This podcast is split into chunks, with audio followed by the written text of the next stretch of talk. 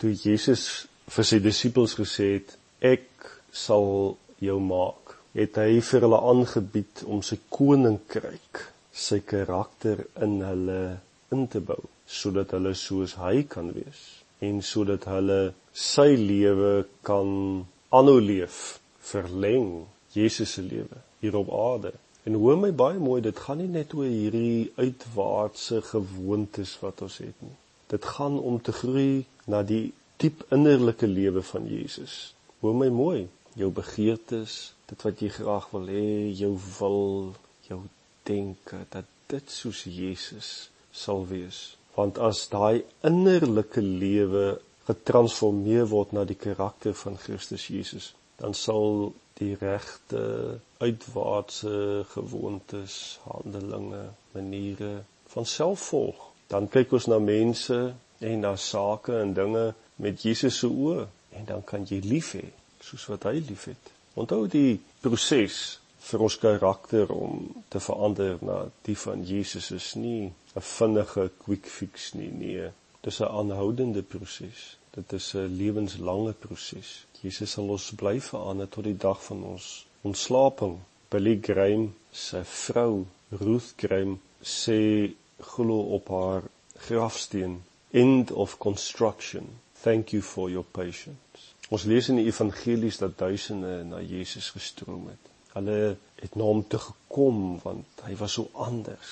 Hulle het eintlik as dit ware sien jy die prentjie weggehardloop van hulle kerkleiers af wat hulle so heeltyd veroordeel het op grond van die wette wat hulle moes nakom.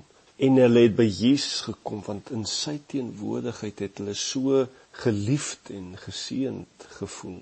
Ons lees ook hiervan in Handelinge dat die kerk het geweldig vinnig gegroei want Jesus se volgelinge het net 'n aantrekkingskrag gehad. Hulle gewone lewe was net anders as die van die wêreld en dit het 'n praktiese verskil gemaak aan hulle lewenstyl en in die mense wat rondom hulle geleef het. En onthou, die volgelinge van Jesus het nie op die strate gestaan en gepreek op luidsprekers en evangelisasieprogramme gehou nie. Die kerk het in die eerste 300 jaar ontplof omdat hierdie volgelinge van Jesus net gewone lewens geleef het, maar ander se lewens geleef het, koninkryk lewens geleef het, 'n ander kultuur geleef het, die van die hemele. Ek wonder of ons nie iewers hierdie kuns, hierdie lewenstyl verloor het nie want ons dink so kerklik.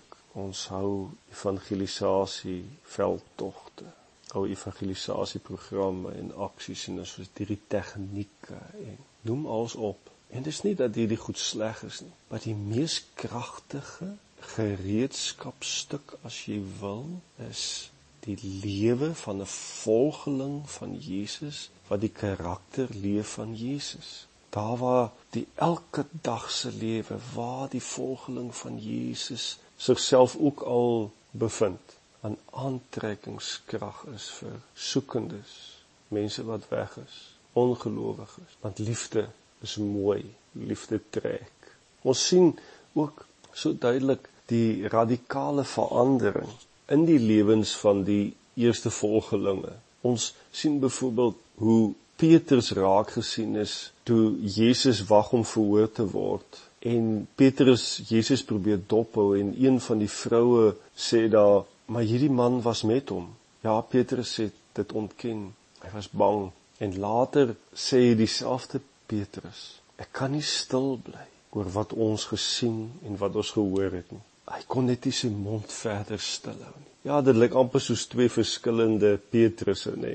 Op 'n stadium lees ons in Handelinge 4 vers 13 toe die Sanhedrin die dapperheid van Petrus en Johannes sien. Het hulle ook gesê maar is hulle dan nie ongeskoelde gewone mense nie, maar was hulle tog verbaas want hulle het verstaan dat hierdie mense saam met Jesus was.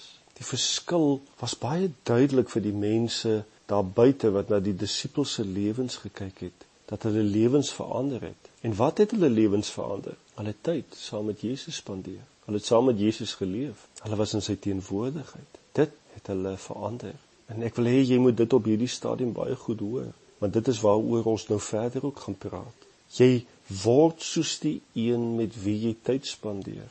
Is dit nie hoekom kinders as daar goeie verhouding in 'n gesin is, al hoe meer en meer soos pa en ma is nie? Want soos die disippels tyd met Jesus spandeer het, het die koninkryk in hulle lewens pos gevat. Het Jesus se heerskappy inslag gevind en gerealiseer en tuiste gevind in hulle siele. Hulle het saam met Jesus gelewe. Ek wil vir jou Filippense 1 lees 9 tot 11. En dit bid ek dat julle liefde nog meer en meer oorvloedig mag word in kennis en alle ervaring om die dinge waar dit op aankom te onderskei sodat julle rein en vir niemand te aanstoot mag wees nie tot op die dag van Christus vervul met die vrug van geregtigheid wat daar is deur Jesus Christus tot heerlikheid en lof van God. So dit is die gebed wat Paulus vir die Filippense gebid het. Dis die gebed wat Jesus vir ons het dat ons in liefde sal bly groei die heerlikheid van Christus sal weerspieël. En hoogou mooi, hoe meer ons die onvoorwaardelike liefde van Christus ervaar, deur tyd met hom te spandeer en hoe meer jy tyd met hom spandeer, hoe meer verander hy jou.